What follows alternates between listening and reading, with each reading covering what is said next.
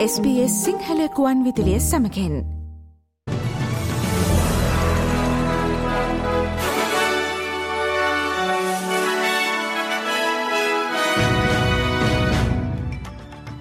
ප්‍රථමයෙන් සිරස්තල ඔස්ට්‍රලයනු මධ්‍යම බැංකුව යළිත් පොලි අනුපාත ඉහළ දැමීමට සැරසේ.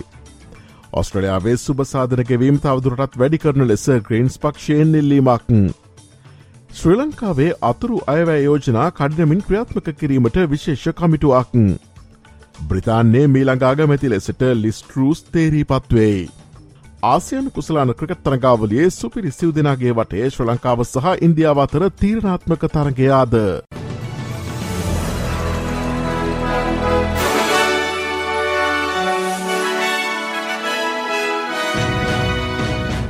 SBS සිංහල ප්‍රෘත්ති සමඟ මම මදුරසන විරත්න. ඔස්ට්‍රලයනු මධ්‍යම බැංකුවේ නිලධහරින් අද යළි රැස් වූ විට නැවතවරක් පොලි අනුපාත හිළදැමීමට අපේක්ෂා කරයි. ඒ අනු ඔස්ට්‍රලයාාවේ පොලි අනුපාතය නොකඩවා ඉහළ දැමූ පස්සන වාරය ලෙස මෙය සටහන් වනු ඇත. ප්‍රධාන උද්දමනය සියට හතරදශම නාමේ මට්ටබක පවතින ශක්තිමත් ශ්‍රමවැලද පොලක දුරුවල වැටු පර්ධනයට ප්‍රතිචාරයක් ලෙස ඔස්ට්‍රලයනු මධ්‍යම බැංකුව මෙම තීරණය ගැනීමට අපේක්ෂා කරයි. එය මධ්‍යම බැංකුවේ දැනට පවතින සියට දෙකේ සිට තුන දක්වා වූ ඉලක්ක පරාසයට වඩා බෙහෙවින් වැඩි බවද සඳහන්. ශ්‍රේණිගත කිරීමෙන් පසු ස්ට්‍රලයාාවේ සුභසාධන ගෙවීම් තවදුරටත් වැඩි කරන ලෙස ග්‍රීන්ස් පක්ෂය ස්ට්‍රලන් මධ්‍යම රජයෙන් ඉල්ලා සිටියේ. උද්ධමනය සමඟ පවත්තාගෙනයාම සඳහා සුභසාධන ගෙවීම් බසරකට දෙවතාවක් ශ්‍රණිකත කරනු ලබන අතර විශාල ලෙස හිල්ලගෙන පොලි අනුපාත හේතුවෙන් දශක තුනකට ආසන්න කාලයක් ඔස්ට්‍රලියාව තුළ සිදුව විශාලතම සුභසාධන ගෙවීම් ඉහළයාම මේ වන බව සඳහන්. ජීවන වීදමට සරලන පරිදි සුපසාධන ගෙවී මනුපාතය තවදුරටත් ඉහනැංව යුතු බව ග්‍රීන්ස් පක්ෂනායක ඩම් බෑන් පවසයි. වසර දෙදහස් විසි හතරේදී ආරම්භ කිරීමට නීමිත තුංගනාදීරයේ බදු කප්පාදුව යොත් කර මෙම මුදල් ගෙවන ලෙසට ඔහු මධ්‍යමරජයට බල කර සිටේ. The cost of everything is going up and giving people who are doing it tough less than $2 a day will not lift them out of poverty and will not give them the dignity that they need to go and look for work and get their lives on track. This is a shameful decision from a government that is delivering for billionaires and the very wealthy while keeping the unemployed and many others living below the poverty line.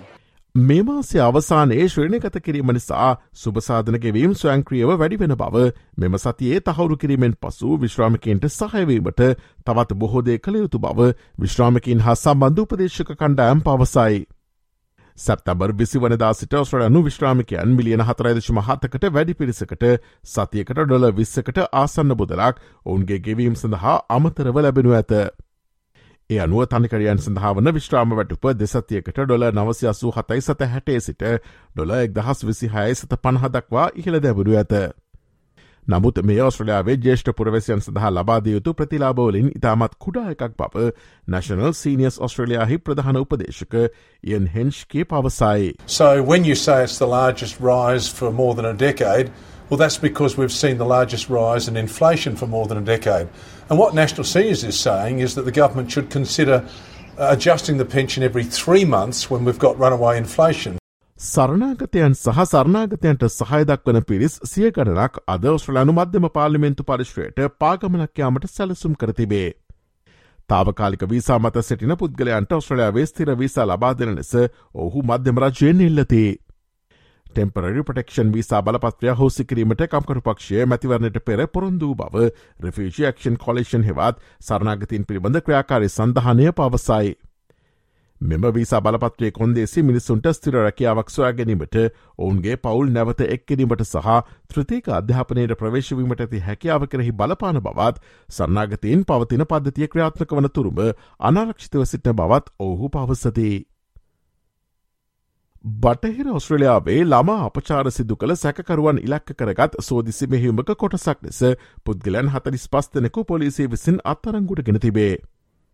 ඔස්ට්‍රලයනු federal පොලිසිය ඔස්ට්‍රලයනු දේශසීම බලකාය සහ බටහ ස්ට්‍රලයන් බලධහරින් සම්බන්ධ වූ මෙම ඒකාබද්ධ මෙහිවුමේදී ළම අපයෝජන හා සම්බන්ධ චාරූප සහ video තිස්පන්දහසකට වැඩි ප්‍රමාණයක් අත්තරංගුට ගෙන තිබේ. මෙම මෙහිවම සඳහා බටහිරස්ට්‍රලයා ප්‍රාන්තේ ප්‍රාදේශ්‍ය කලාප සහ නාගරික කලාප සඳහා සෝදිසි වරෙන්තු හැටකට අධික සංඛ්‍යාවක් නිකුත් කරතිබේ. ළමා අපයෝජන හා සම්බන්ධ ද්‍රව්‍ය ළඟ තබාගෙනීමේ චෝදනාවට ලක් වූ සියලුම සැකරුවන් පිළිබඳ මෑතකාලින විශ්ලේෂණයකින් දස දෙනෙකුගෙන් එක් අයකු ළමයින්ට ශාරීරිකව අපයෝජනය කරන බවස්වයාගෙන ඇතැයි පොලිස් පරීක්ෂක හමිෂ් මැකෙන්සි පවසයි.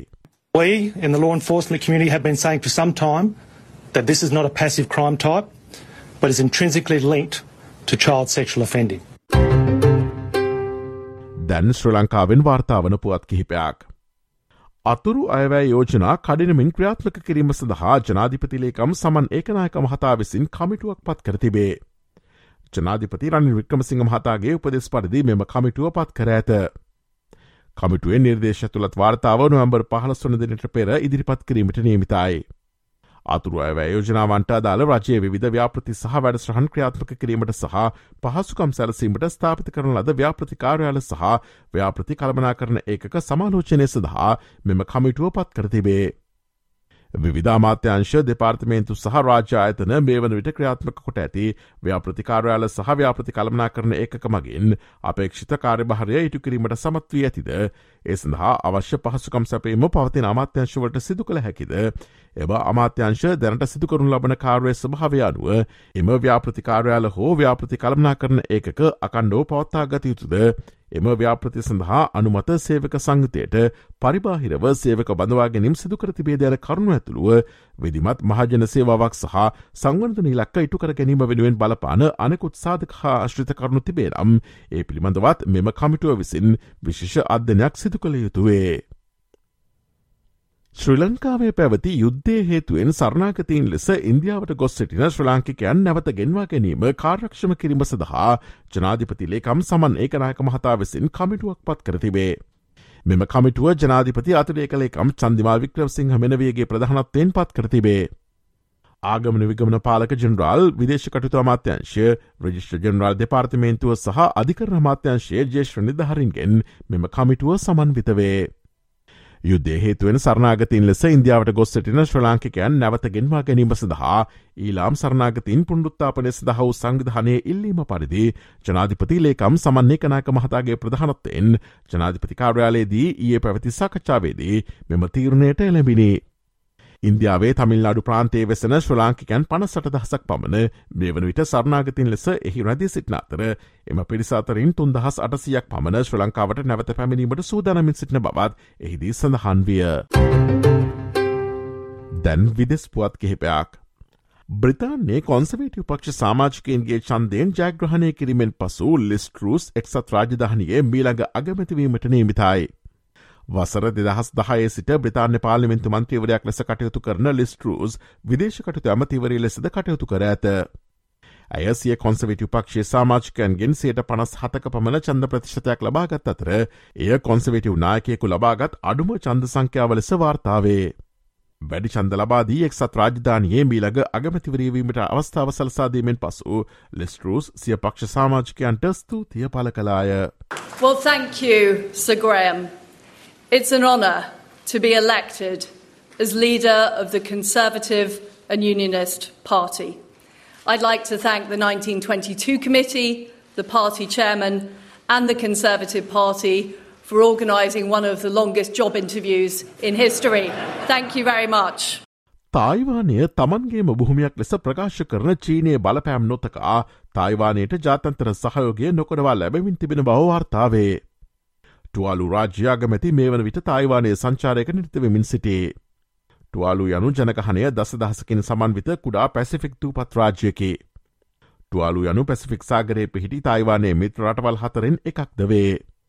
නවුරු පූලාව් සහ මාශල් දූපත් තැන දූපත්රාජ්‍යන් තායිවානයේ සෙසු මිතුරු රාජ්‍යන් වේ.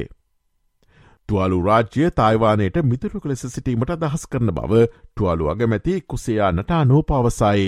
I recognize the cornerstones of our diplomatic ties involving two nations founded on the principles of democracy, trust, human rights, and freedom of the individual. දැන් ක්‍රීඩාපුවතාක් ආසියන් කුසලාන ක්‍රිකත් තරගාවලියේ සුපිරි සිවදනාගේ වටේ ශ්‍ර ලංකාව සහ ඉන්දියාව අතර විස්සයි විස්ස ක්‍රිකත් තරගය ඔස්ට්‍රලයානු නැගෙනහිර සම්මත වෙලාවෙන් අද මත්‍යමරාත්‍රී දොළහට ආරම්භීමට නීමිතයි. ආසයන කුසලන තරගාවලියේ සුපිරි සිව් දෙනාගේ වටේ තුංගන තරගේ ලෙස මෙය පැවැත්වේ. මේ වන විට සුපිරි සිව් දෙනාගේ වටේ තරගවලින් ශ්‍ර ලංකාව එක් තරගේකට මුහුණදී ඇති අතර එම තරගේ ජයගෙන තිබේ. නමුත් සුපිරිසිව් දෙනාගේ වටේ ඉන්දියාව සහ පාකිස්ානය අතර පැවති තරගෙන් ඉන්දියාව කඩුළු පහකින් පරාජයට පත්විය. එනිසාසයනු කුසලන තරගාවලිය අවසන් මහතරගේ සඳහා සුසුකම් ලැබීමට ඉන්දියාවට මෙම තරගේ ජයගැනීම අනිවාර්යවේ. ශ්‍ර ලංකාව මෙම තරගේ ජයගත හොත් ආසයනු කුසලන තරගාවලියේ අවසන් මහතරගේ සඳහා මුලින්ම සුසුකම් ලබාගත් කණ්ඩෑම් බවට පත්වනු ඇත. සුපිරි සිවදනාගේ වට ඇෆ්ගනිස්ථානය සමඟ තරග කළ ජයග්‍රහිශ්‍ර ලංක කණ්ඩෑමම අධතරගේ සඳහාද ක්‍රඩා කරනු ඇතැයි වාර්තාවේ.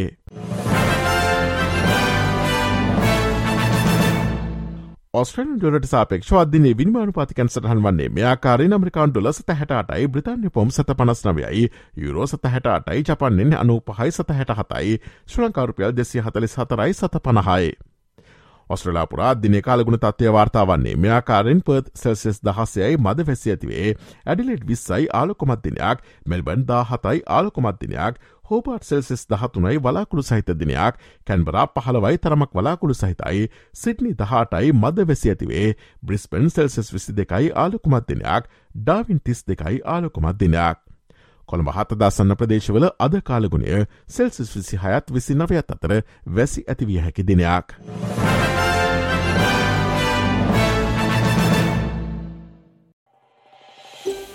මේ වගේ තවත්තොරතුරු දැනගන්න කැමතිද.